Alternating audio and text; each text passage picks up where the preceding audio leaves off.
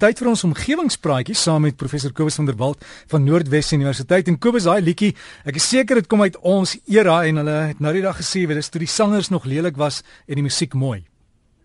Ek ja, nee. ja, dis sekerlik so. Dis uh, is baie sangers of musikante is gewild om dit op 'n manier mooi lyk op die uh, op sosiale media en dan is die musiek maar redelik eil, maar nou ja. Ek wil vanoggend kom ons kom terug by die omgewing met 'n onderwerp uh, begin wat mense nou nie graag oor gesels nie, maar dit is tog baie belangrik. En dit gaan oor baba doeke en ander doeke. Ek het hierdie jare verskeie briewe van omgewingsvriende af ontvang oor wat die omgewingsvriendelikste manier is om van baba doeke ontslae te raak. En 'n paar mense wat by huise vir bejaardesdiens doen, het vir my dieselfde vraag gevra ten opsigte van volwasse doeke.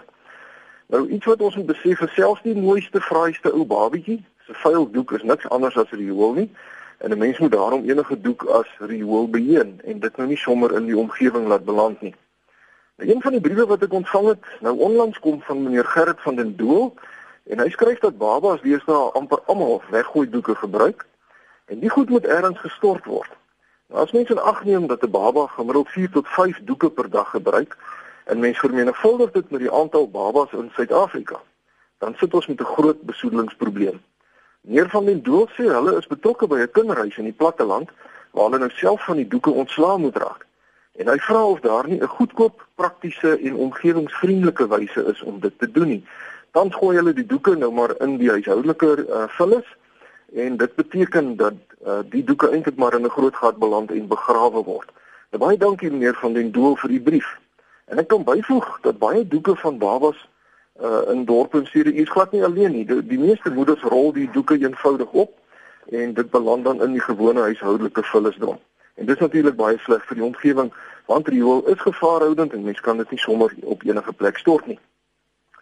So, kom ons gesels oor die saak. Die goeie nuus is dat daar wel 'n maklike en omgewingsvriendelike wyse is om nie net van die doeke ontslae te raak nie, maar dit ook tot voordeel van die omgewing aan te wend. En dit is om kompos van die doeke te maak. Dit is maklik en vinnig om te doen want daar is geen reuke as mense dit korrek doen nie en weggooi doeke bevat 'n absorberende materiaal wat gewoonlik polyakrylaat kristalle is. Nou hierdie kristalle is presies dieselfde stof wat mense ten duurste aankoop by kwekerye want dit het die eienskap dat dit water kan absorbeer en dan stadig kan vrystel. So dit is 'n bestanddeel in sommige soorte potplantgrond. En benewens die absorberende materiaal is die stof waarmee 'n doek opgestop word basies selulose wat in wese niks anders is as verwerkte houtveesels nie. Die urine in 'n doek is ook baie stikstofryk wat natuurlik 'n baie goeie plantvoedingsstof is. Nou goed, hoe doen mense dit? Eerstens moet mense besef dat nou nie alle doeke geskik is vir kompostering nie en ook nie alle dele van die doek soos byvoorbeeld die uh, waterdigte plastiek beleining nie So 'n mens gebruik dus slegs nommer 1 doeke vir kompostering as u verstaan wat ek bedoel. By nommer 2 doeke moet mens maar die materiaal eers net in 'n toilet wegspoel en die doek dan wegdoen soos wat mens enige gevaarlike stof sal wegdoen. So om kompos te maak van doeke, neem mens so elke 3 dae nou al die nommer 1 doeke wat jy verwyder eh, wat jy nou versamel het en dan verwyder jy die buitenste waterdigte plastieklaagies en dan gooi jy uh, die plastiek kan jy hersirkuleer of jy gooi dit dan gewoon weg. Nou die absorberende materiaal wat oorbly en die sagte materiaal waarmee die doek opgestop is, meng mens dan in jou komposhoop in. Die ander materiaal in jou komposhoop kan goed wees so skille en ander organiese afval uit jou kombuis en ook tuinafval wat mens fyn maak. En dan behandel jy jou komposhoop presies soos enige ander komposhoop. Dit is belangrik natuurlik om nou nie hierdie tipe kompos in jou groentetuin te gebruik nie, Uh, met ander woorde mense gebruik nou nie uh, kompos wat jy van doeke gemaak het uh, op eetbare plante nie. Maar mense gebruik dit in jou blombeddings en op jou grasperk. Want uh, alhoewel dit nou moontlik is om die kompos sodanig te behandel dat daar geen skadelike bakterieë in is nie, is dit 'n lang en 'n ingewikkelde proses. So vir veiligheid moet mense eerder kompos in jou groentetuin gebruik wat nie enige baba doekmateriaal in het nie. Nou die voordeel van die kompostering van doeke is dat die volume materiaal waarvan mens ontslaa moet raak met meer as die helfte verminder word. En die kompos is natuurlik baie goed vir die omgewing. En indien u meer inligting oor hierdie onderwerp wil hê, kyk gerus op omgewingspraatjies se Facebook bladsy. Ek het nou net voor ek op die lig gekom het, het ek 'n skakel daar opgesit na 'n verwysing na 'n boek met die titel The Human Year Handbook. En 'n mens kan hierdie boek gratis aflaai van die internet af en eintlik op 'n baie humoristiese wyse allerlei praktiese wenke oor onderwerpe soos grijswater en omgewingsvriendelike toilette en dan ook hoe om kompos van doeke te maak kry. Nou ja, uh, ek hoop u kom reg met hierdie interessante onderwerp. 'n Tweede onderwerp van vanoggend kom van meneer Jannie Botha wat vra of ons as verbruikers nie meer druk moet plaas op verspreiders om 'n deposito te vra vir elke bottel, blik of plastiekhouer wat mens kan koop nie.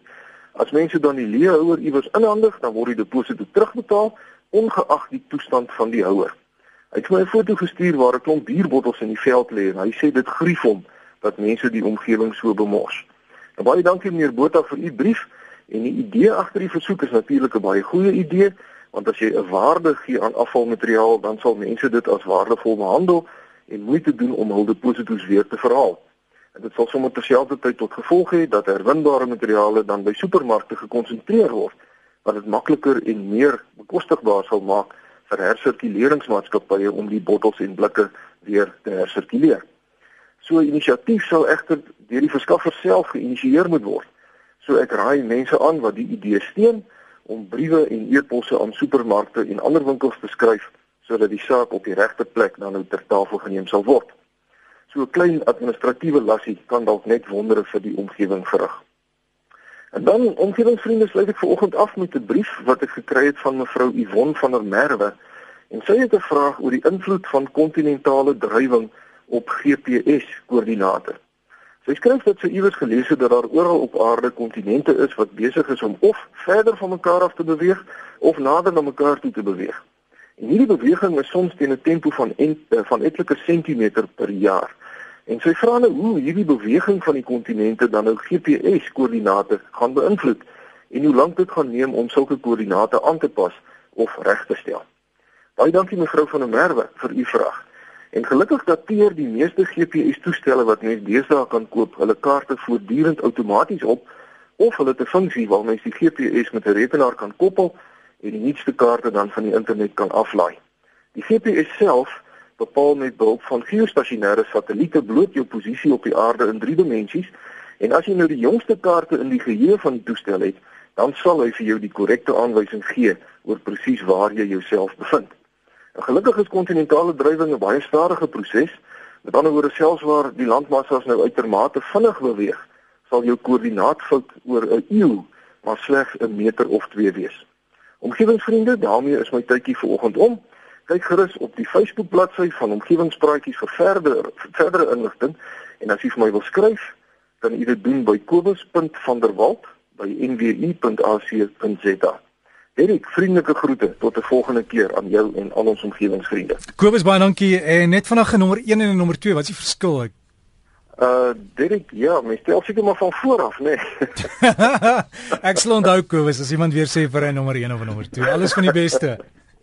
Lekker dag vir jou al ons omgewingsvriende en kom ons loop die bokke maak ons trots vandag. Ja, ons is baie groen vandag. Ek is seker ons gaan groen bly. En dit dan Prof Kobus van der Walt.